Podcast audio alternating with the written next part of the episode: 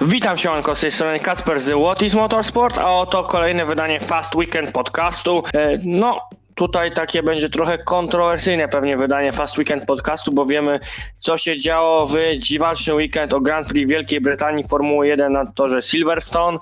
Również mieliśmy niesamowitą batalię podczas rundy na Moncy FIA WEC.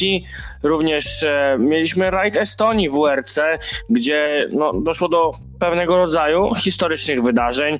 No i F2 wróciło nam, ale tylko na chwilę, bo tutaj tylko na Silverstone, bo później znowu nam F2 będzie znikać. Ale oczywiście tych fantastycznych wydarzeń sam nie będę omawiał, bo wraz ze mną jest Grzegorz Piotrowicz. Witam Cię również Grzegorzu e, i e, tutaj przejdziemy od razu z grubej rury, z wysokiego C Formuła 1 Grand Prix Wielkiej Brytanii i e, zanim plusy i minusy i takie różne, to najpierw zajmijmy się tym, jak ten weekend w ogóle wyglądał, bo to była taka próba generalna z tym sprintem. E, Większość ludzi jest na nie, niektórzy szukają nawet pozytywów w tym formacie weekendu. A co o tym sądzisz, że kwalifikacje w piątek, sprint jakiś w sobotę i wyścig jest w niedzielę. Generalnie mieliśmy to dwa wyścigi. Czy tobie się podoba taki format, czy jednak za dużo udziwnień i ujmowanie e, z rangi najwyższej mistrzostw świata w Formuły 1? To jest tak, no fajnie mi się miałem standardowy taki vibe, jak oglądałem FP1 w piątek, czyli pierwszą sesję treningową, że no po prostu czułem się normalnie, po czym po tej 19 w tym wypadku włączam kwalifikacje i czuję się tak jakoś troszkę dziwnie.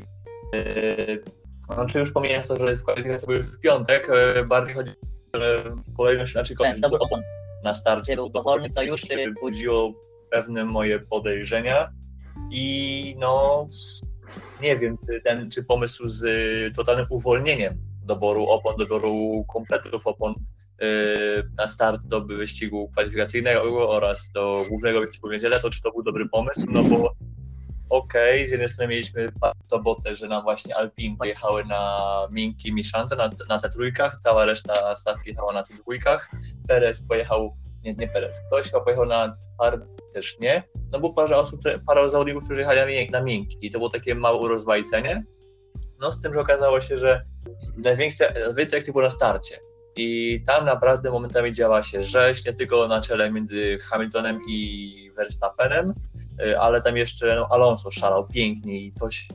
Natomiast soboty był jakiś y, porywający? No niestety tu się chyba sprawdziły oczekiwania, czy oczekiwania, predykcje zespołów oraz y, też niektórych dziennikarzy, że mówili, że po prostu będzie rzeź na starcie, ale potem w wyścigu w dalszej części będzie po prostu jazda na oszczędzanie, na, na pół gwizdka, będzie po prostu takie bardziej zarządzanie samochodem, by no, raz go nie rozbić, dwa, żeby silnika nie nadwyrężyć i skrzyni biegów oraz pozostałych elementów. No i też, żeby tam właśnie ten samochód po prostu bardziej dowieść, dowieść też pozycję, no bo też y, punktuje tego pierwsza trójka, więc y, no jeśli jesteś czwarty, no to y, nie masz perspektywy walki na to pierwszą trójkę, no to tak średnio ci się opłaca walczyć o, jakiś tam, o, co, o cokolwiek wy, wyżej, nie? Natomiast no właśnie, kurczę, nie spodobało mi się to, yy, tak jak powiedziałem wcześniej, to totalne uwolnienie y, doboru opon, no bo w przeszłości mielibyśmy trochę bardziej yy, urozmaicony ten dobór opon na starcie w niedzielę. A co zobaczyliśmy wczoraj? Stawkę na pośrednich i Pereza na twardych. No, to był no. jednak cyrk z tymi oponami. Za dużo, za dużo tak jakby wolności i swobody danej zespołom. No, powiedz mi, czy twoim nie wypaczyło rywalizacji, bo moim zdaniem no, po prostu to źle wpłynęło. Wpłynęło na, ten, na, na, ten, na to, jak się ten w ogóle Niedzielny oczywiście nie był zły. To było takie, myślę, że klasyczny Silverstone, czyli coś tam się dzieje na czele, znaczy klasyczne Silverstone w tej konfiguracji, że jest, coś się dzieje na czele, coś tam się dzieje, nie wiem, gdzieś w połowie pierwszej dziesiątki i na koniec tam na przełomie 10-11 miejsca też tam jakieś akcje są, ktoś czasem się przebije, ktoś jakieś fajne akcje zrobi, ale to naprawdę jakoś nie było, to nie jest y, Silverstone 2.18, o którym na przykład możemy powiedzieć, że jest już takim współczesnym klasykiem, nie?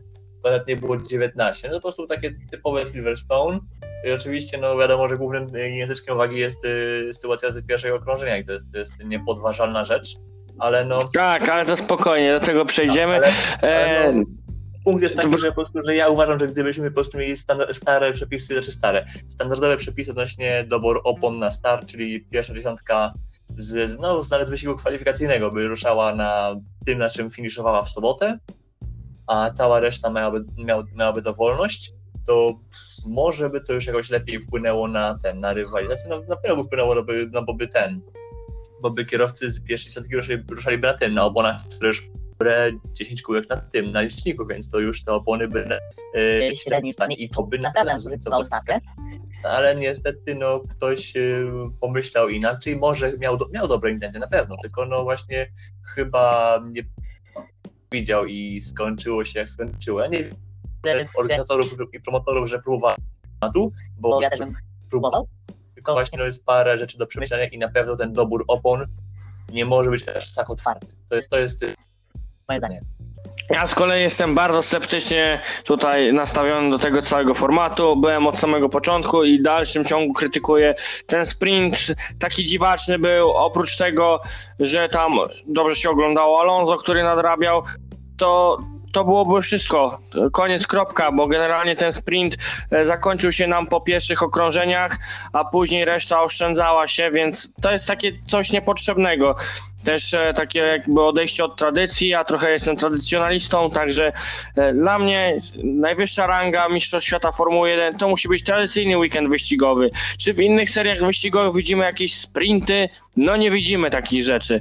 Także w sensie tych e, najwyższej rangą. Nie chodzi mi o juniorskie, bo wiadomo, że w juniorskich seriach takie rzeczy no są wyczyniane, ale to wiemy, że to niższe rangą serie juniorskie supportujące zazwyczaj te większe. Także te największe, najważniejsze serie na świecie, sprinty to raczej to, takich rzeczy się nie widzi.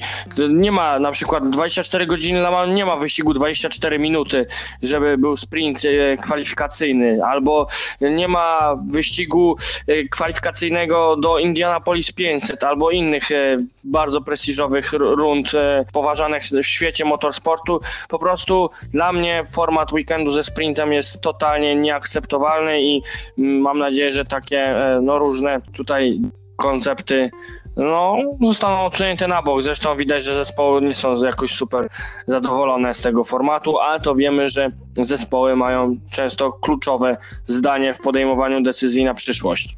Tak, ale wiesz co, y, zauważę, że na przykład na Daytonie w tym roku mieliśmy, przed y, całodobową Daytoną mieliśmy w tym roku wyścig kwalifikacyjny. Jak on się przyjął, to już jest inna rzecz, no bo tam no, był, było trochę więcej akcji niż, było w sobotę na F1 na Silverstone, ale też nie było jakoś y, cudownie. Y, Tak jeszcze wspomnę, że w WEC parę lat temu, gdy jeszcze mieliśmy dobrobyt w klasie GT Pro oraz ogólnie po prostu w platformie GT, no to rozważano takie coś, żeby wys- prototypy jechały normalne kwalifikacje.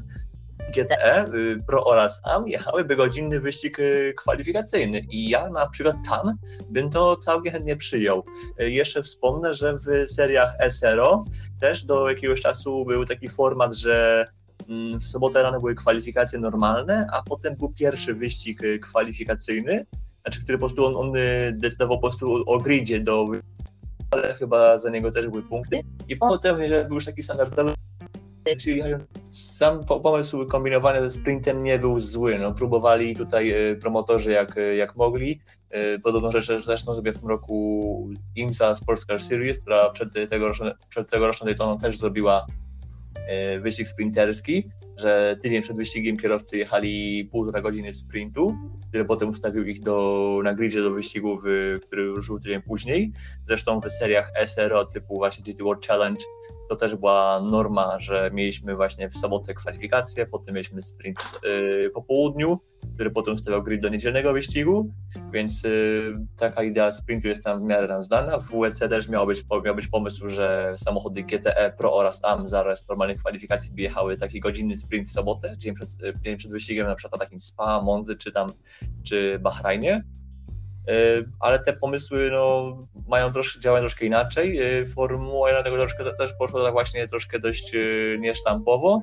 No dziwi mnie właśnie to, że zrezygnowano z tego pomysłu właśnie, tą, y, że po prostu oddano zawodnikom zespołu dowolność w doborze kompletów opon. W sensie, że do, każda ekipa może, każdy samochód może startować na dowolnym y, komplecie, że nie ma tutaj tych używanych kompletów z Q2, jak to jest y, w tym naszym, tym nam znanym formacie, mm, co mnie trochę dziwiło, ale trudno, no taki, taki, tak, taki format założyli spróbowali, raczej no się nie udało, to jest takie jest moje zdanie. Jeszcze tak na koniec mnie no, troszkę dziwi to, że y, postanowiono przenieść te konwencjonalne kwalifikacje na piątek. To jest y, nie do końca to, znaczy rozumiem, że chcieli po prostu rozruszać akcję w piątek, ale no jednak y, no nie, no jednak potem ten trening drugi był taki troszkę nie do końca sensowne, no bo już zespoły były już pod parkiem Ferme i już dużo wtedy nie można modyfikować, więc no też y, te treningi to były takie bardziej na przejeżdżenie, na spróbowanie mieszanek, na jakieś przetestowanie y, długości, nie wiem, przetestowanie zużycia opon i tyle, więc y, no jak dla mnie, jeśli już, to po prostu kwalifikacje robić w, piąt- w sobotę, tam koło południa i potem po południu robić sprint czy o ile w ogóle robić, robić ten sprint, a na pewno warto przy tym sprincie pomajstrować znowu przy tej dowolności doboru opon, a właściwie ją ograniczyć do tej pierwszej dziesiątki, tak jak to miało miejsce w normalnych kwalifikacjach. I to może by jakoś pomogło. Tak jest, no generalnie ten drugi trening w sobotę to taki był denny i troszeczkę jakby no dziwaczny, tak, bo już y, zespoły nie mogły niczego wprowadzać nowego, bo byli pod regułą parku zamkniętego i przez co to jakoś się kupy nie trzymało, przynajmniej w moich oczach. Jeżeli treningi, to powinny być robione w piątki. Z piątkiem nie kombinujmy, bo na przykład e, ludzie często w piątek po prostu do pracy chodzą, no i nie mają czasu obejrzeć tak. bardzo ważnych kwalifikacji, a wolne treningi, no to też się przede wszystkim ekipom przydadzą, bo e, dzięki temu mogą sprawdzać ustawienia, czy to na kwalifikacje, czy to na wyścig już konkretnie i mają wtedy te godziny w piątek, no właśnie na takie typu zadania, a nie nagle tu treniają nam kwalifikacje, które tak właściwie nikomu są niepotrzebne w ten piątek. Mogły być, jeżeli już naprawdę chcą przeforsować ten sprint, no to e, w sobotę po południu, a e, w sobotę rano z kolei jest wtedy no, tradycyjne kwalifikacje, tak? Ale mam nadzieję, że po tym sezonie idea sprintu upadnie, patrząc na reakcję zespołów. Plusy i minusy Grand Prix Wielkiej Brytanii, ale zanim e, to przytoczę, co w ogóle się działo. Kwalifikacje te tradycyjne wygrał Lewis Hamilton przed e, Maxem Verstappenem i Walterim Bottasem. Z kolei sprint zakończył się zwycięstwem Maxa Verstappena i to właśnie Max Verstappen był zdobywcą pole position. Drugi był e, Lewis Hamilton i trzeci Walteri Bottas. E, z ciekawszych wydarzeń, na przykład Fernando Alonso nadrobił kilka pozycji właśnie e, w tym sprinterskim wyścigu. Również mieliśmy kolizję pomiędzy Carlosem Sainzem juniorem oraz George'em Russellem. George Russell poprzez tą kolizję e, został ukarany plus trzy pozycje na starcie, także no, przynajmniej w mojej opinii kara całkiem słuszna, incydent był z jego strony i został ukarany. George Russell swoją drogą małym bohaterem weekendu, przynajmniej do momentu soboty incydentu z Saincem, bo e, generalnie był w dziesiątce kwalifikacjach po raz drugi oraz w sprincie też ukończył e, dziesiątce, także e, George Russell dwa razy w dziesiątce w ten weekend, no niestety w, w tym właściwym wyścigu niedzielnym, no kompletnie George'owi nie poszło, także no, na straty niedziela w jego wykonaniu. E, wszystko było dobrze, ale tylko i wyłącznie do soboty. Również e, warto wspomnieć o Alfie Romeo, która była jedną z wielkich wygranych tego sprintu, bo w kwalifikacjach im tam średnio poszło, ale w sprincie sporo nadrobili, przez co mieli wysokie pozycje dość startowe jak na nich, a później w wyścigu nawet nieźle sobie poczynali do momentu wszelkiego rodzaju tam zawirowań z ich udziałem. No i wyścig. Wyścig zakończył się zwycięstwem Louisa Hamiltona po karze czerwonej e, i, i tam pogoni. Generalnie Hamilton niezbyt chlubnie tu zwyciężył, ale to zaraz do tego sobie przejdziemy. Drugi był Charles Leclerc, który e, no, w wielu oczach jest wielkim bohaterem tego weekendu, bo wycisnął 310% wręcz z tego Ferrari. E, podium zamknął nam Valtteri Bottas, czyli Bottas trzy razy trzeci, można powiedzieć, bo w kwalifikacjach był trzeci, w sprincie był trzeci i w wyścigu też był trzeci. E, McLareny, czwarte i piąte miejsce, Norris przed Ricardo, szósty Sainz i dziesiątkę e, punktowaną uzupełnili Alonso, Stroll, Ocon oraz Yuki Tsunoda. Wyścigu nie ukończył Max Verstappen po potężnej kraksie oraz Sebastian Vettel, który tam miał różne swoje przygody, perypetie z Binale i tym podobne. E, Plusy i minusy Grzegorzu. Puh, plusy, no dobra, no to plusem na pewno mogę powiedzieć, że Daniel Ricardo. No dzisiaj no się w ten weekend wykazał Australijczyk, y, tak y, te pierwsze weekendy były do niego trudne, że tam dopiero w Monako chyba był taki bardziej konkurencyjny, nie, w Monako nie był konkurencyjny, ale dopiero gdzieś tam w Hiszpanii był taki, miał taki położoniejszy weekend, tak znowu teraz był, y, no cały czas był w dziesiątce, w Q3 też się znalazł. W wyścigu kwalifikacyjnym no, przebił się na szóste miejsce, tak, szóste miejsce. I teraz w niedzielę też była, było miejsce w pierwszej szóstce, więc no, dosłownie dwa miejsca za Norrisem. No, to jest. Y, ja muszę pochwalić naprawdę Ricardo, że właśnie no, ten weekend był świetny i chciałbym, żeby właśnie tak trzymał, żeby dalej właśnie robił ten progres i gdzieś tam potem w tej dalszej części sezonu y, gdzieś tam deptał po piętach y, Lando Norrisowi by też no, przywoził dla McLarena porządne punkty, bo wiemy, że no, on jest w stanie to zrobić, tylko po prostu musi się właśnie jeszcze do końca z tym bolidem y, dograć, ale chyba no, pokazał, że już jest lepiej. Tak, Ricardo zdecydowanie też tutaj zasługuje na wyróżnienie, bo wyścig pojechał bardzo dobry i chyba jeden z najlepszych w tym sezonie, trzeba sobie to powiedzieć. W końcu jedzie tak jak ten samochód McLarena no, taki ma potencjał, tak, że dojeżdżać w wysokich punktach i Ricardo w końcu ten potencjał spełnił. Też dla mnie ogromnym plusem, no to tutaj bezapelacyjnie Charles Leclerc, to co on wyrabiał w ten weekend, to się włosy jeżą na głowie, w tym Ferrari, które było skazywane na totalną porażkę na Silverstone, że tutaj e, na torze, gdzie potrzebna jest e, no przede wszystkim moc silnika, no to Ferrari będzie leżeć, okazało się, że nie, Leclerc był w stanie przezwyciężyć nawet różne problemy z silnikiem wyścigu, e, prowadzić przez 50 okrążeń. Wcześniej warto podkreślić wysokie miejsca w kwalifikacjach i w sprincie, bo to były P4, czyli też bardzo wysoko. Najlepszy z reszty zresztą, nawet lepszy niż Sergio Perez. No i Leclerc w wyścigu e, skorzystał z pewnością na tym incydencie, o którym za momencik sobie powiemy. Bardzo długo prowadził. No niestety Ferrari nie jest jeszcze aż takie mocne, żeby wygrać wyścig. Szkoda, byłem smutny, nie powiem, bo bardzo liczyłem, żeby Leclerc wygrał wyścig, ale cóż, przynajmniej jest chyba nadzieja po takim wyścigu na takim torze w wykonaniu Ferrari, a dokładniej Leclerca. No, no można nawet Ferrari powiedzieć, bo Carlos Sainz też się fajnie spisał, szóste miejsce, zaraz za McLarenami.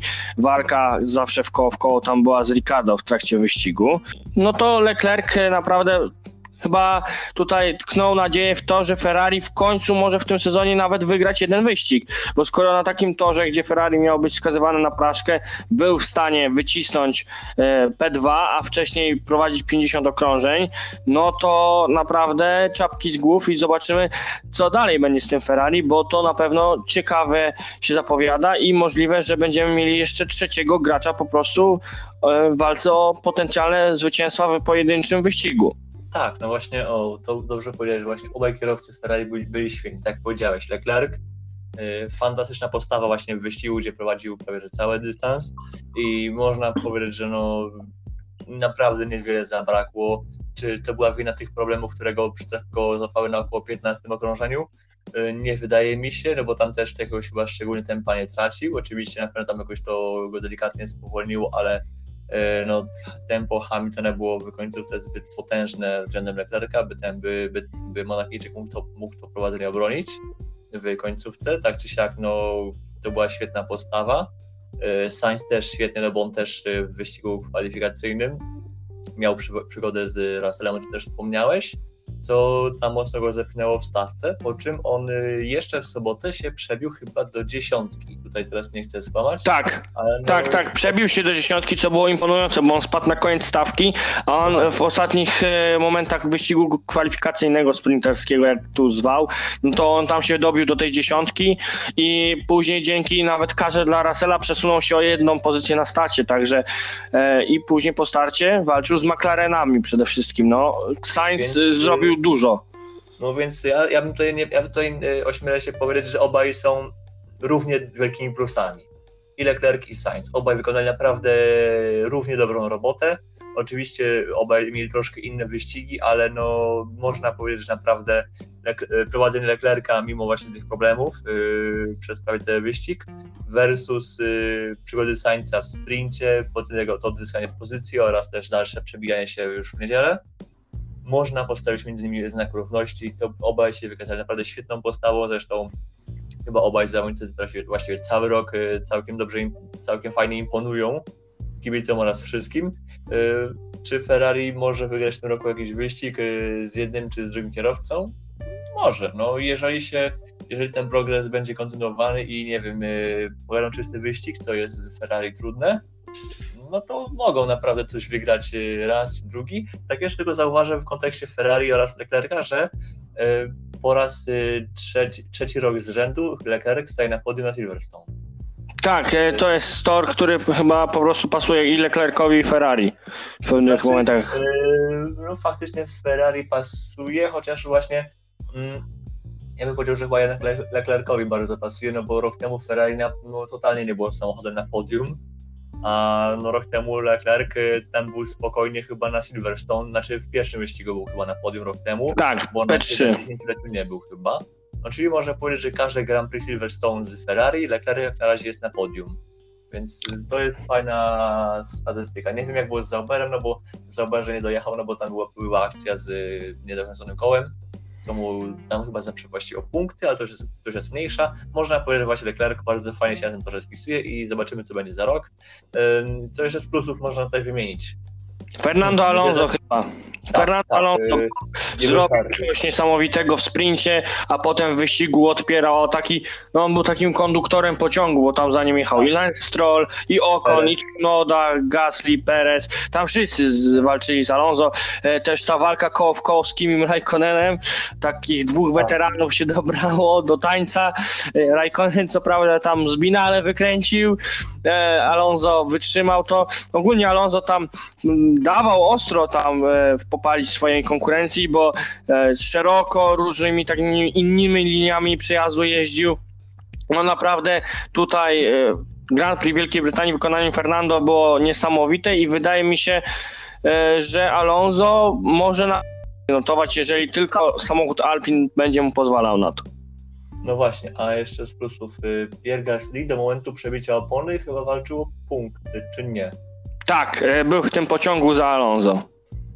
No więc też myślę, że tak umiarkowanie to nie jest jakiś wybitny wy- wynik dla Gasly'ego, ale myślę, że y, takie neutral łamane na plus, można powiedzieć, więc taki ma- minimalny plusik, y, ale większy plusik bym postawił tak przy Tsunodzie, bo jednak znając jego doświadczenie oraz to, że jeszcze no, musi wyrobić sobie tą regularność, bo prędkość już myślę, że pokazał, no to myślę, że można powiedzieć, że Tsunoda pozytywnie z jednym punkcikiem, y, to też warto odnotować. I Tak, Tsunoda jeszcze- bardzo fajnie jechał. Tak, jeszcze dziesiąte miejsce. Tak cicho. Cicho, bo No nie było zbytnio o nim głośno, on po prostu wykorzystał to, że Gasly miał swoje problemy, George jakoś nie miał tempa, Alfa Romeo później pod koniec wyścigu tak trochę opadły, no i ten Perez, on by nie miał punktów, bo Perez by dojechał pewnie w tej dziesiątce, ale Perez Tak. wtedy się pokusił o po prostu najszybsze okrążenie. No i na koniec jeszcze z plusów powiem Esteban Ocon y, za po prostu odkucie się po tym, co było w Austrii. Bo tam te weekendy, dwa weekendy były dla niego bardzo trudne. Okazało się, że tam y, sporą, y, sporą odpowiedzialność za to, to ponosiły jego podwozie. Takowe właśnie mu wymieniano przed, y, przed rudą, na Silverstone, bo okazało się, że tam nie, że jakaś bawaria, tylko po prostu y, są, jak, jakaś coś było w takiego w podwoziu, co właśnie mogło sprawiać, że właśnie ten jego samochód się nie prowadził tak, jakby on chciał. No i na Silverstone się udało mu właśnie jakoś odkuć. Yy, W sobotę był w dziesiątce, yy, w niedzielę też był dziewiąty, więc to jest myślę, że taki fajny plus, to myślę, że warto notować i no myślę, że z plusów to będzie wszystko. Natomiast Tak. minusów, hmm, To ja zacznę chyba minusy. Dla mnie największym minusem weekendu jest e, pan z numerem 44, Lewis Hamilton. Ale nie o to chodzi, że wygrał wyścig, tylko to chodzi o jaką postawę przyjął po tym wszystkim. E, Bo tempo na torze miał fenomenalne później wyścigu, jak e, gonił Leclerca i, i tam wyciskał wszystko, co się dało. E, Zresztą Mercedes chyba po prostu też był świetny na tym torze, bo nawet Bottas trzymał eleganckie tempo, także Mercedes faktycznie te poprawki tutaj działają. Może nie takie e, poprawki, jakie by oczekiwał Toto Wolf przed weekendem, jak tam nam mówił, że e, no tutaj spodziewa się dubletu i 30 sekund nad e, przeciwnikami. No oczywiście takiego czegoś nie było, no ale Mercedes trzeba zauważyć, że zrobił progres. Natomiast Hamilton, jego postawa, nieprzyznanie się do błędu, po czym jeszcze tak jakby próba zamiecienia pod dywan całej tej kontrowersyjnej sytuacji z Verstappenem, który naprawdę w, no, poważny stan był Verstappena, bo trafił do szpitala, przeciążenie 51G, no to była bardzo poważna kolizja. Tak się nie robi, gdzie się wchodzi w około 300 na godzinę ten zakręt, e, gdzie doszło do tej kolizji, no to e, Hamilton nie wiem, co on sobie tam myślał, e, robiąc ten manewr. E, na pewno nie był on na miejscu nieprzystojący siedmiokrotnemu mistrzowi świata, a później jego zachowanie to po prostu było gburostwo. Najzwyczajniej w świecie zachował się jak gbur. Nie, nie z klasą, kompletnie z klasą, ale to jest to, o czym mówię na temat Louisa Hamiltona od wielu, wielu lat. To nie jest człowiek, który e, klasę zachowuje w takich właśnie sytuacjach trudnych. Było to widać na przykład w rywalizacji z Nico Rosbergiem, było również to widać w rywalizacji z Fernando Alonso na początku jego kariery. E, wiele razy w trakcie jego kariery no, on się zachowywał nietaktownie i e, no, podczas Grand Prix Wielkiej Brytanii e, był to kolejny taki bardzo duży przykład, e, że Hamilton e, zachowuje się źle, po prostu źle, nie przystoi takie zachowanie mistrzowi świata i to jeszcze siedmiokrotnemu. Więc dla mnie Hamilton na pewno ogromnym minusem. No i dobrze, że Max wyszedł z tego wszystkiego cało, bo wypadek na przykład z perspektywy kibica, nie wiem czy widziałeś taki tak, filmik, to wyglądało przerażająco, jak on tam uderzył w tą bandę to potężny dzwon. Potężny dzwon i to się mogło kończyć e, gorzej, bo mógł być, e, mogło być wstrząsienie mózgu. Na szczęście tak się nie stało. Co do Hamiltona, ja tak powiem, to, że uważa, że nie jest winny, to jest jedna sprawa, to jest jego subiektywna opinia, on ma swój pogląd i jakby ja mu tego nie zamierzam odbierać, bo jakby rozumiemy, że może mieć takie podejście, że no bo to mógł być mogło być rozpatrzone jako race, y, race incident. I gdyby ta kolizja wyglądała troszkę inaczej, to myślę, że faktycznie bym się z tym zgodził, ale no niestety nie mogę, no bo mm, problem był taki, że Hamilton miał miejsce po wewnętrznej i no, no samo to po prostu bardzo mocno obala jego jakąś tutaj próbę właśnie wybielenia, wybielenia się właśnie przed sędziami, więc y, gdyby nie to, że, że miał miejsce po wewnętrznej, a Verstappen go nie miał na przykład, bo po zewnętrznej, Verstappen już, już po zewnętrznej już nie szczególnie miał, bo on, tak, bo on tak wycelował ten zakręt, że po prostu miałby i tak w połowę auta wyjść na, na, na kerby, no to gdyby Hamilton nie miał, nie miał miejsca, to może faktycznie mogło to być race incident. Nawet abstrahując od tego, że to była prędkość e, powyżej 300 na godzinę, no już pomijamy to ogóle to, że się zakończyło, tak się skończyło. Też tak zauważę, że sędziowie nie ten, nie rozpatrują nie biorą pod uwagę y, wyniku tej kolizji, w sensie, że nie patrzą, czy ktoś w wyniku kolizji się rozbił, czy obrócił, czy tylko został lekko szarpnięty, na to sędziowie nie patrzą uwagi, nie zwracają uwagi, to jest, y, to też to jest dość powszechnie zdanie, co, co właśnie warto, warto przytoczyć. No to gdyby nie to, że no, sytuacja była taka, a nie inna, że Hamilton miał miejsce po wewnętrznej, no to można by to właśnie jakoś inaczej rozpatrywać.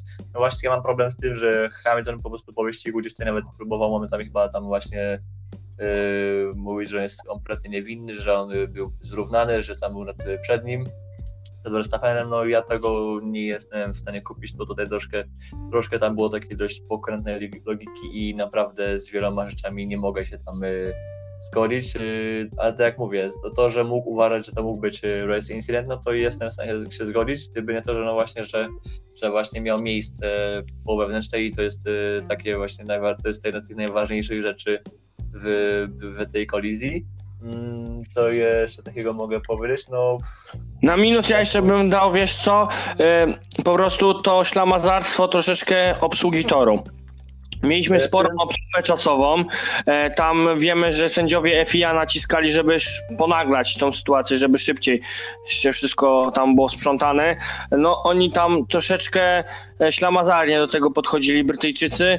E, nie wiem, czy to było, żeby kupić czas dla Hamiltona, żeby naprawić ewentualne uszkodzenia, bo Hamilton miał uszkodzenia po tej kraksie, delikatne, ale miał trzeba to podkreślić, e, bo czerwona flaga trwa nam powyżej pół godziny, więc e, naprawdę można było to szybciej sprzątnąć, tym bardziej, że e, Maxa Verstappena bardzo szybko z toru zabrano. E, Co to tutaj e, czapki z głów dla e, Centrum Medycznego, że bardzo szybko zareagowali, ale no, obsługa toru według mnie to jest na minus. Po prostu trzeba szybciej się uwijać. Na innych torach dużo szybciej się to robi.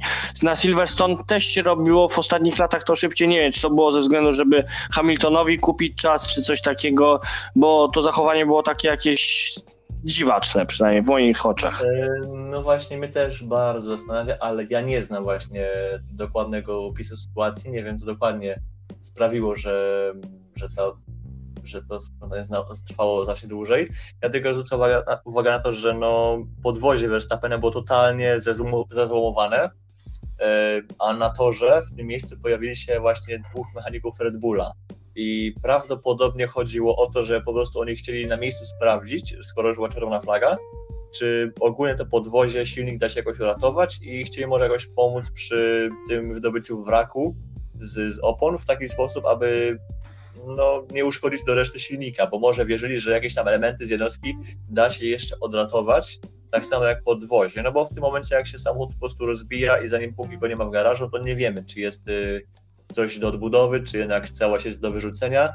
Prawdopodobnie właśnie Red Bull chciał to jakoś y, sprawdzić na miejscu, Mm, no bo też nie zapominajmy, że jednak y, w sposób, w jaki samochód jest przenoszony na lawetę, też można ten samochód dodatkowo uszkodzić, nawet jeśli jest tylko, nie wiem, załóżmy e, uszkodzone auto mechanicznie, w sensie, że jest, nie wiem, załóżmy uszkodzona skrzynia, no to jeśli załóżmy ktoś źle coś, e, nie wiem, uruchomi gaśnicę i ją w złym miejscu wypuści ten czynnik z gaśnicy, to można uszkodzić komuś turbo. Zresztą w podobnej sytuacji był Ricardo w 2018 roku w Meksyku, że tam y, coś mu się zepsuło z hybrydy i bodajże który, któryś pan porządkowy właśnie na to, że w Meksyku y, chyba w niewłaściwy otwór puścił gaśnicę, co mu uszkodziło turbo.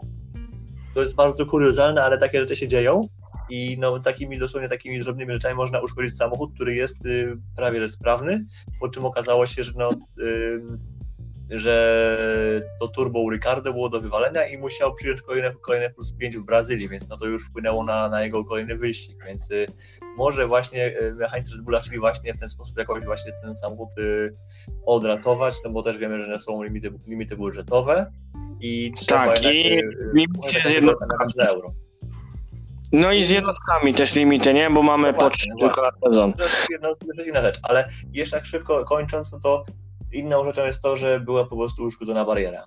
Mm, Nie było Też. tam uszkodzenia tej już, y, tej już samej ściany metalowej na końcu, która jest już y, przy samej siatce, ale ten pad z opon był tam do wymiany i tam coś jeszcze prawdopodobnie było do, było do wymiany, to jest, y, to jest dwa. Trzy, że też tam pod tym żwirem tam jeszcze jakiś płyn z tego Red Bulla, z silnika Hondy się wydobywał, więc no to też były kolejne jakieś podejrzenia od y, Red Bulla, że coś tam mogło pójść tak y, z silnikiem i może właśnie dlatego to, ta cała procedura trwała tyle, tyle czasu. I ja po prostu jestem ciekaw, czy może właśnie FIA wyda jakiś właśnie jakiś raport, może oświadczenie, y, po prostu może w jakiś sposób poinformują właśnie ogół właśnie kibiców, czemu właśnie to się tak długo stało, że może był jakiś tam specjalny powód, no bo na pewno był, a na to, że na ten moment nie wiem jaki, jak, nie wiem jaki, no to już y, ja już tutaj nie będę wydawał osądów.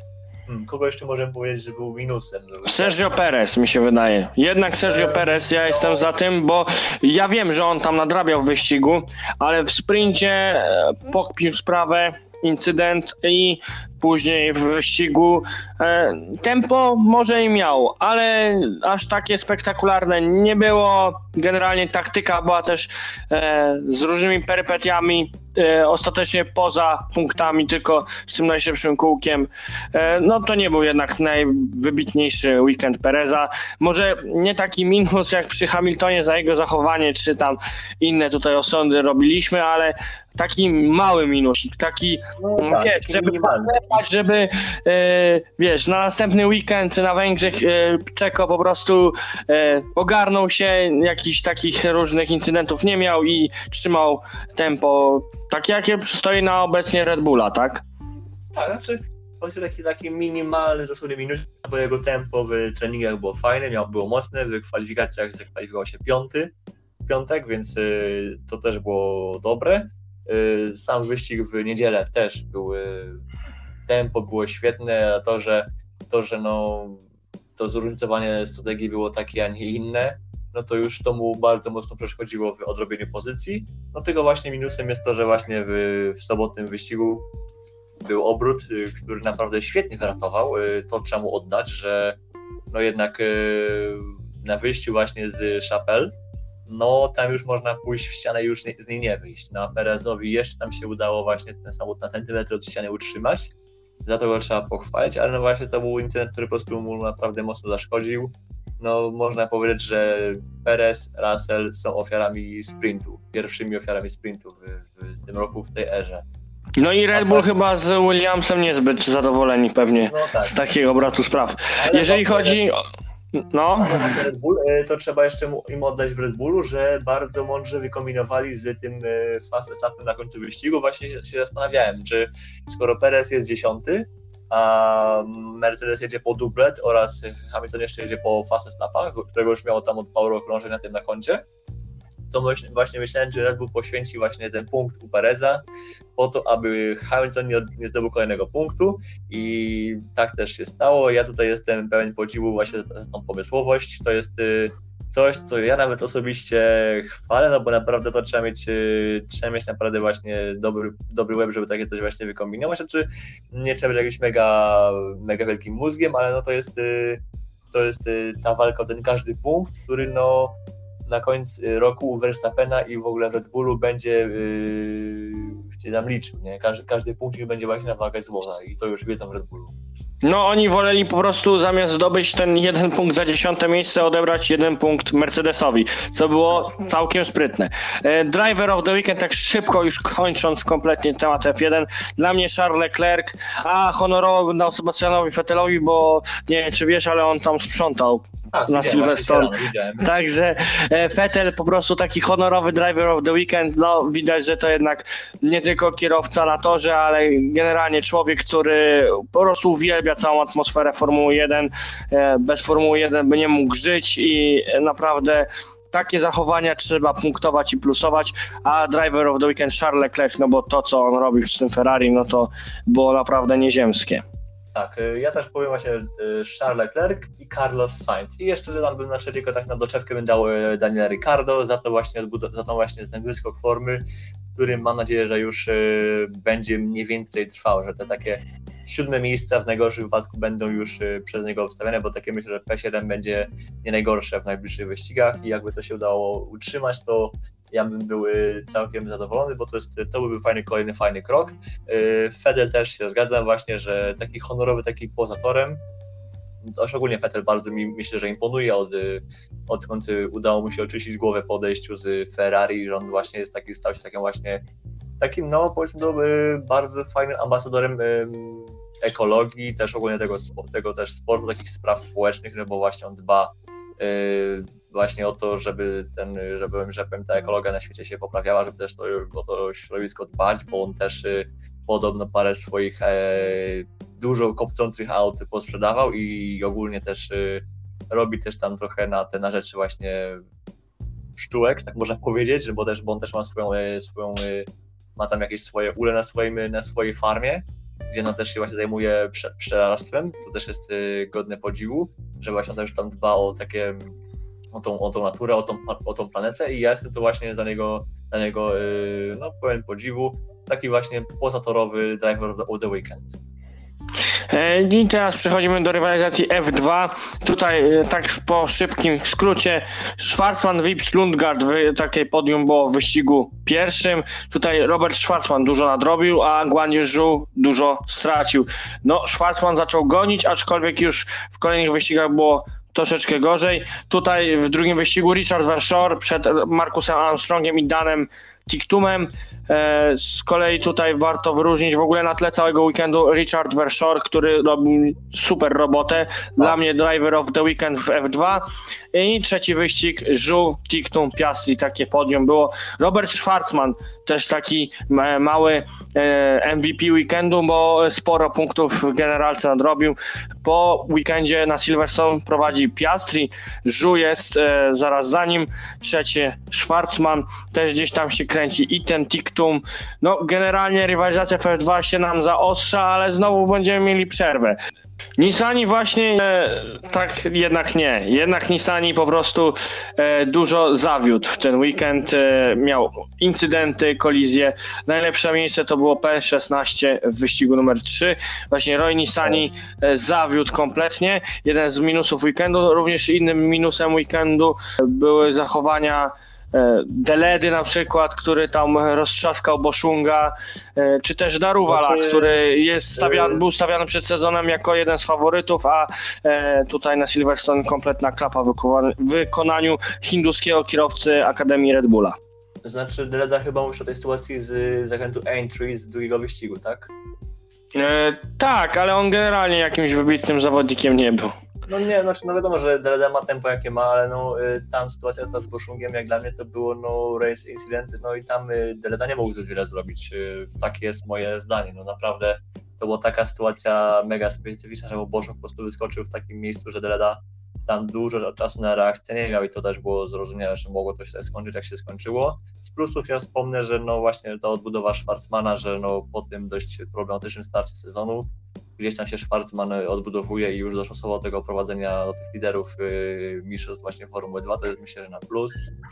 No i Verschoor to była, tak powiedziałeś, to jest y, driver of the weekend. y, Ja mam nadzieję, że Helmut Marko pożałuje, że go w ogóle zwolnił z Akademii, bo naprawdę yy, Holender powinien dostać jakąś szansę, no jeśli nie w Red Bullowskim y, programie, no to myślę, że nie wiem kto. Mercedes mógłby go spróbować wziąć, no bo i Junior z kolei tam też różnie sobie radzi, więc y, w Mercedesie taki Verschoor y, jako taki przyszły, nie wiem, kierowca Williamsa po odejściu Russella, no myślę, że byłby fajną opcją. Takie jest y, moje subiektywne zdanie. Ja też e, bardzo sympatyzuję z Warszawą ze względu na to, że on nie miał kompletnie budżetu przez ten, e, przed tym sezonem. Miał nie jeździć nigdzie i on takimi tylnymi drzwiami się dostał do stawki F2 e, swoimi występami świetnymi na torze. Po prostu udowodnił zespołowi MP Motorsport, żeby dostać angaż na cały, cały sezon, całą resztę sezonu i bardzo dobrze MP Motorsport postąpiło, bo to, co Richard Verschoor robi, no to to jest czapki z głów, tym bardziej, że to MP Motorsport nie jest jakimś fenomenalnym teamem, a on e, robi wyniki często ponad stan, także bardzo dobra decyzja ze strony holenderskiego zespołu względem holenderskiego kierowcy. Dobrze, że tutaj te takie koneksje chyba narodowe jednak pozostały i e, tego uzdolnionego Holendra trzymają u siebie. E, F2 będziemy widzieć w najbliższym czasie na Moncy dopiero, czyli naprawdę spora przerwa. E, Te zawirowania z kalendarzami F2, F3 są dziwne i mi się nie podobają przynajmniej w tym sezonie. Rozumiem, że się mogło nie podobać, bo trochę to właśnie miesza, że mamy takie, że raz mamy dwa weekendy z rzędu F2, potem dwa, dwa razy z rzędu F3, ale ja chcę po prostu zrozumieć to, że no, chodzi o koszty i no, skoro większość ekip jest i tu, i tu, to jeśli możemy rozdzielić te serie od siebie, no to w ten sposób możemy zaoszczędzić grube, znaczy grube, jakieś konkretne pieniądze na tym, na tym, że te zespoły mogą zatrudnić mniej, mniej osób, y, mogą wysyłać mniej sprzętu na wyścig, no bo wysyłają tylko jeden y, zespół na jedną serię, a nie dwa osobne na, ten, na dwie różne serie, też po prostu nie wysyłają tylu ciężarówek z dwoma samochodami, znaczy dwoma, y, z autami na dwie różne serie i to już jest jakaś oszczędność.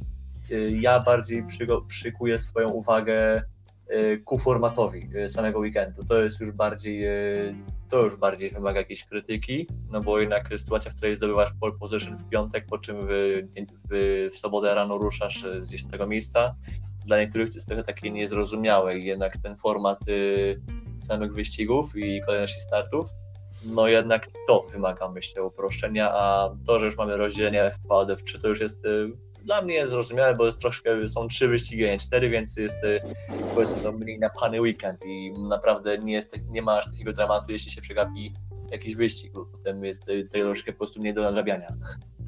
Jeżeli chodzi o F2 i ten cały format weekendu z tymi e, zamienionymi pozycjami, to tak stricte śmierdzi mi to WTCC, WTCR-em e, z, z wyścigami samochodów turystycznych, bo tam często takie myki były robione.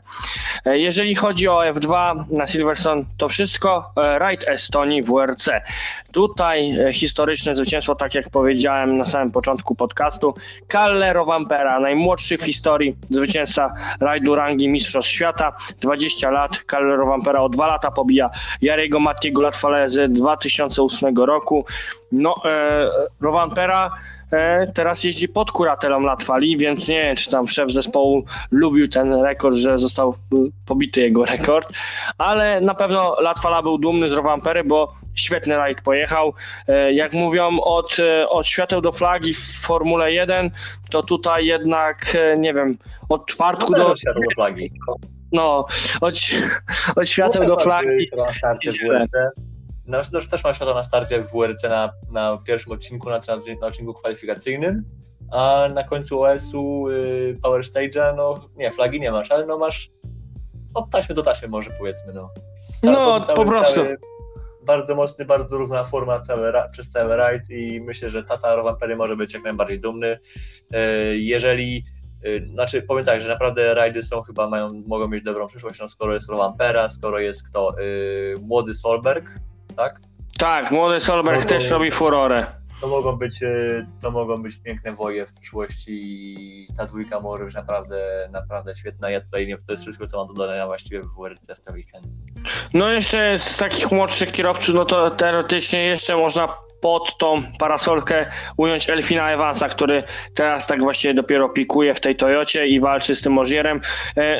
Tak wieńcząc wyniki, Rowan Pera, drugi Craig Breen, chyba bardzo lubi Estonię, bo po raz kolejny na podium i trzeci Thierry Neville. Niestety Ojt Tanak e, tutaj u siebie niezbyt błysnął, ale wygrał Power Stage'a, więc to warto sobie odnotować. Kajetan Kajetanowicz trzeci w WRC 3 oraz e, 13 w generalce. E, Może punktów top 10 e, Mistrzostw Świata nie było, ale podium w WRC 3. Kajetanowicz ciuła te punkty w WRC 3, no i cały czas jest w batalii o mistrzostwo tejże klasy. E, Przechodzimy teraz sobie do konika Grzegorza, czyli FIA WEC, wyścig na Moncy. Ostatni sprawdzian przed wielkim e, wyścigiem od 24 godziny Le Mans. E, 6 godzin Monza. Tutaj Toyota wygrywa, ale nie bez problemów, bo jedna z Toyot nie ukończyła e, wyścigu. Nie ukończyła Toyota numer 8. Wygrała Toyota numer 7. Mike Conway, Kamui Kobayashi, Jose Maria Lopez. Oni na pierwszym miejscu. Drugie miejsce Alpin, Negrao, Lepier i Vaxivier. Oni na drugim miejscu. Alpin nawet nieźle się trzymało. Ten Glickenhaus mnie troszeczkę zawiódł, bo przegrał podium z United Autosport z LMP2. E, tak, e, po raz kolejny LMP2 wcina się pomiędzy najwyższą klasę. Tutaj podium uzupełniła załoga z numerem 22 Hanson, Scherer oraz Albuquerque.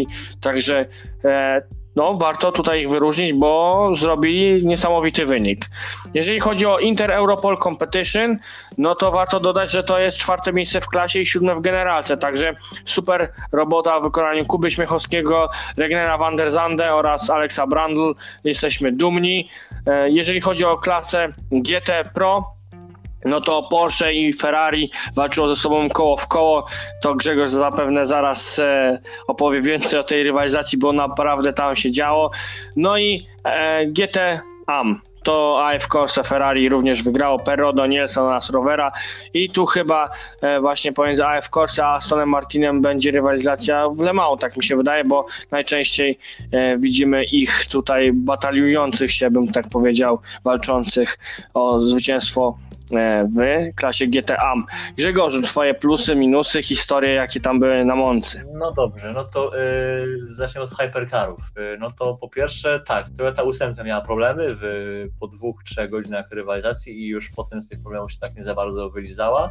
Y, problem miał też jeden z tych Wilgenhausów, y, ten nowszy samochód, czyli 708, bo to jest y, w Portimao mieliśmy 709, 709 jest już bardziej, to już ma więcej nabite kilometrów, więc to już to podwozie już lepiej znają, natomiast problem miała 708, ale problem też miała Toyota numer 7 i w pewnym momencie Glickenhaus prowadził w wyścigu, więc y, y, to jest tak, jedna rzecz to jest to, że potem w tej 709 były problemy, y, po, po przejęciu prowadzenia, bo tam były problemy z hamulcami, które tam troszkę przedłużyły, znaczy spowolniły tą załogę, ale ja powiem tak, że i tak y, Glickenhaus może być zadowolony nawet z tego, że mimo tego, że przegrali delikatnie z United Autosports, to ja i tak y, uważam, że to czwarte miejsce w drugim ich starcie, znaczy czwarte w ogólnej generalce mm, jest na plus. Y, no można o hypercarach powiedzieć to, że Toyota tym razem została znowu przyciśnięta do ściany, że no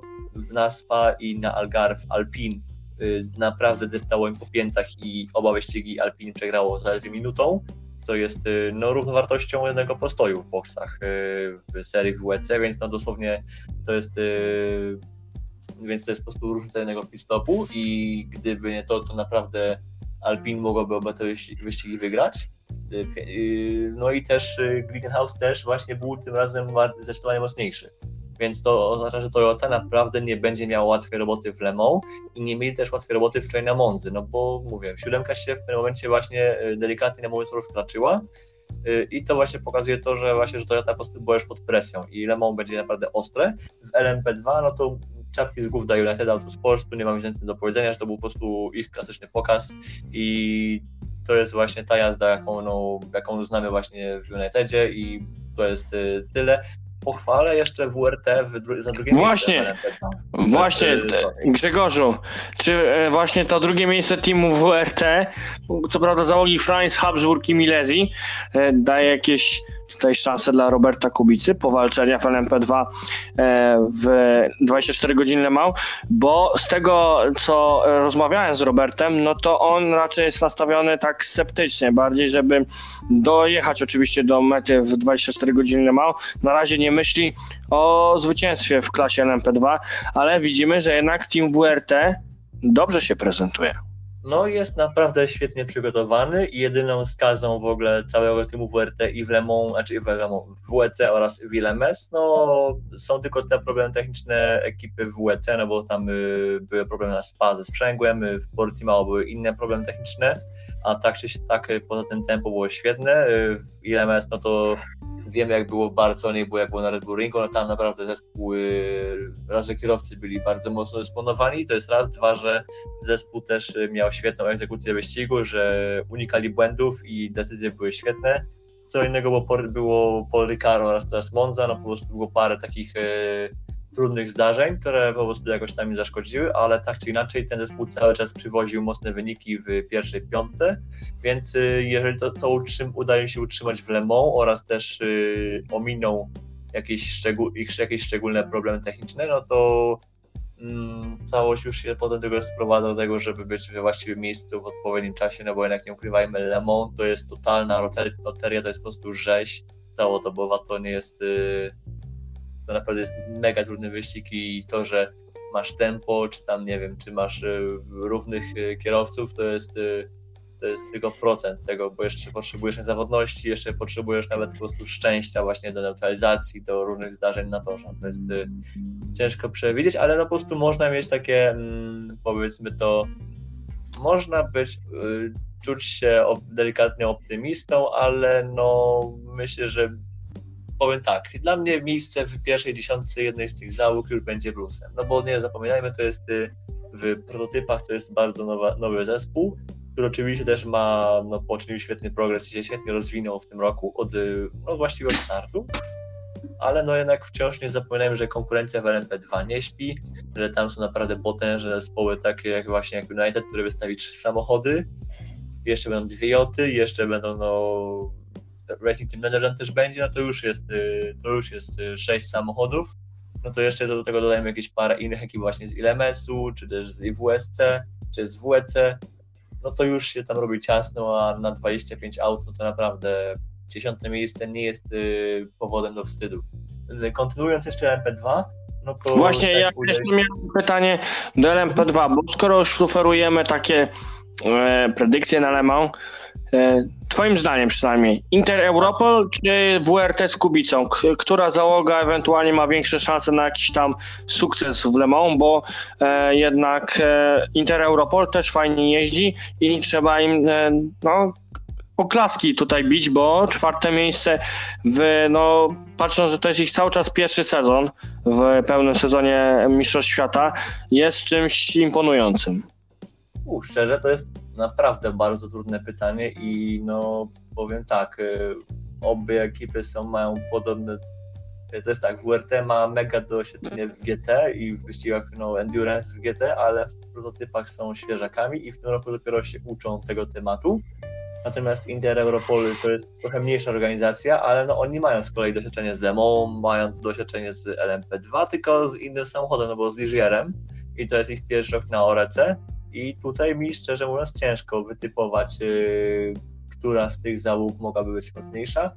Yy, na ślepo pozwolę sobie powiedzieć, że jednak minimalnie może WRT być mocniejsza, ale to no, wynika z tego, że po prostu, że oni naprawdę mają yy, przygotowanie na boskim poziomie i WRT jest po prostu OP, po prostu jest no ciężkie do, do rozwalenia gdziekolwiek się pojawią. Inter Europolu ja myślę, że też ma szansę na jakiś sukces, no jednak w tym roku zespół się mocno wzmocnił i nie mówię tylko o składzie kierowców, no po prostu przenieśli bazę do, do Warszawy, gdzie też to sobie wszystko ładnie przeorganizowali. W roku są bardziej taką, powiedzmy to, spójną organizacją, że już są lepiej, lepiej ułożeni, więc to im też pomoże. Yy, Pamiętajmy, że rok temu yy, te wyniki nie były do końca miarodajne, no bo jednak jeździli Żierem i nie mieli się za bardzo z kim porównać poza tam zespołem chyba Euro- i chyba jeszcze z chyba z ARC Bratysławą, albo i też nie, bo już nie pamiętam, czy oni rok temu właśnie byli w Le Mans, no ale no nie mieli za bardzo porównania z innymi Orekami, a dopiero w tym roku będą mieli. No i pamiętajmy jeszcze, niezawodność to jest y, coś, z czym y, piekarze mieli rok temu problemy na Le Mans i dwa lata temu też, y, więc zobaczymy jak pójdzie w tym roku, ale myślę, że jestem dobry myśli, że w tym roku pójdzie im lepiej, no bo też jeszcze mają lepszy skład kierowców, może być wyrównana walka, tego, tym, tym, to mnie nie zdziwi, ale jednak bym ciut wyżej postawił właśnie na WRT. Mm, Tak jeszcze, dobra, może szybko... Teraz klasa, teraz klasa chyba GT Pro wtedy. Ta Porsche i Ferrari, to mnie pasjonowało w tym wyścigu. Nie wiem, czy ciebie też. Tam faktycznie Tak, tak. bili się. Tak, ale tak szybko, szybko składa odnośnie piekarzy samych w, w Monzy, to tak, trzeba pochwalić ich występ, tylko y, on nie był do końca, to nie był do końca czysty wyścig, no bo każdy z trzech kierowców miał jakieś sytuacje na torze, jakieś incydenty oraz kolizje i to jest taki jedyny minusik y, ich występu, ale tak, tempo było świetne i to jest, y, to, jest to, co mi się spodobało. Była szansa na podium, ale no właśnie te parę akcji im troszkę zabrudziło wyścig, a tak ja jestem ich z nich zadowolony. No dobra, teraz GTE Pro oraz AM, no to y, te pojedynki Ferrari versus Porsche były po prostu boskie i to było naprawdę cudowne, mi to się, na to się po prostu pięknie patrzyło. Ja jeszcze raz powtarzam, Kevin Est jest po prostu bogiem GT i ja chcę go zobaczyć za dwa lata w Porsche, właśnie w Porsche Penske, czy to w WEC, czy w IWSC, to już jest y, nieważne. Ma być po prostu w, w hypercarach i mnie to nie obchodzi, on tam ma po prostu być i może myślę, że z Nelem Janim, no bo Janin też robi świetną robotę. Y, Pierre Guidi, czy zobaczymy go za dwa, za dwa lata w Ferrari w, w hypercarach? Może, ja bym chciał zobaczyć, no bo naprawdę wczoraj sobie pięknie, pięknie zasłużył. Y, Ja czekam na Le Mans, aż się pojawią korwety oraz y, zespół Hub Auto Racing i zobaczymy, co oni wtedy tam pokażą. I jeszcze na koniec y, klasa GT AM. No to wow, AF Corse tam zrobiło robotę, w szczególności, że ta załoga to była chyba 83, chociaż sekundę tak spojrzę. Tak, to Tak. była 83, no właśnie Nie oni ruszali z końca stawki. To trzeba w ogóle pochwalić, nie? No bo zakwalifikowali się wysoko w sobotę, ale była dyskwalifikacja z jakiejś tam niezgodności z regulaminem technicznym. Przez to wylecieli na koniec stawki, no i no, wygrana po starcie z końca stawki, no to jest naprawdę wow. To jest, yy, na to, to trzeba zawsze yy, plusować, oklaskiwać i tak dalej, to było po prostu cudowne. Cudowna też była walka właśnie TF Sport y, w pierwszej, pierwszych dwóch godzinach, gdzie no, prowadzili i mieli szansę na wygraną, ale potem ich y, spotkały problemy z delaminacją, które no, im totalnie rozwaliło, które totalnie rozwaliła wyścig, a tak mogło być naprawdę super i TF Sport mogło mieć fajny wynik, ale no tempo i tak trzeba ich pochwalić. Tak samo myślę, że można pochwalić y, pozostałe Astony, czyli D-Station Racing oraz oraz kogo jeszcze, no ekipę tak zwaną fabryczną, czyli po prostu ekipę Northwest. Świetny bój razem z załogą y, Team Project One Porsche. No, naprawdę w GTE mi się działo i ogólnie w GTE. Ja jestem, byłem zachwycony tym, jak się ta walka rozgrywała właśnie w, na Monzy, no bo na Spa i na Portimao aż tak wesoło nie było, aż tak dużo tam nie działo, a teraz y, naprawdę była, no była rzeź i ja jestem ciekaw, y, co będzie na Le Mans, jak tam się pokaże właśnie tam GTE, z, z jakiej strony się pokaże GTE pod względem walki. No to chyba wszystko mamy, jeżeli chodzi o FIA WEC. Następny przystanek Le Mans i tutaj e, chyba jakieś e, może niespodzianki będziemy robić odnośnie Le Mans. To jeszcze będziemy informować, bo jakieś tam plany są. No, najważniejszy wyścig sezonu plus dwa duże polskie akcenty będziemy mieli w tym roku w no, jednym z najważniejszych wyścigów świata, bo będzie i Robert Kubica, i Inter Europol Competition, także e, no, będziemy na pewno obszernie omawiać na mało, ale to za miesiąc. Teraz kończymy z WEC e, i na sam koniec podcastu, jak zawsze, wyścig weekendu. Co było wyścigiem weekendu? Jak e, dla mnie, to jednak będzie to Monca. Będzie to 6 godzin Monca, bo jednak wyścig F1 nie był taki czysty, jaki byśmy chcieli. Także dla mnie 6 godzin Monca. Tak, no Monza była świetna, to był naprawdę chyba jeden z najlepszych wyścigów w WEC od y, dość dłuższego czasu. No, w tym roku na pewno był najlepszy. Z tych tegorocznych był naprawdę najbiedniejszy, była walka praktycznie wszędzie, w, w każdym rejonie stawki, w każdej klasie, no chyba tylko, tylko chyba United, United Autosport jechał taki no swój jakiś tam wyścig, a cała reszta, no to się tam naprawdę kotłowało i był naprawdę, była był ogień, była rzeź i ja, tego ja to chcę zobaczyć na Lemą i jeszcze dwa razy w Bahranie w tym roku. O proszę, o proszę. Więc tutaj WEC dominuje e, naprawdę. Warto sobie zajrzeć, no bo to jest taki e, dobry przedsmak przez 24 godziny na mało. E, I to byłoby na tyle w tym tygodniu w Fast Weekend podcaście. Oczywiście nie byłem sam, bo wraz ze mną był. Grzegorz Piotrowicz, dziękuję bardzo. Dziękuję Ci również. Oczywiście zapraszamy serdecznie na social media Łotis Motorsport, takie jak Facebook, Twitter czy Instagram, do których linki znajdziecie w opisie, na stronę motohigh.pl, do której link również znajdziecie w opisie. A tymczasem ja byłem Kasper z Łotis Motorsport i do szybkiego usłyszenia.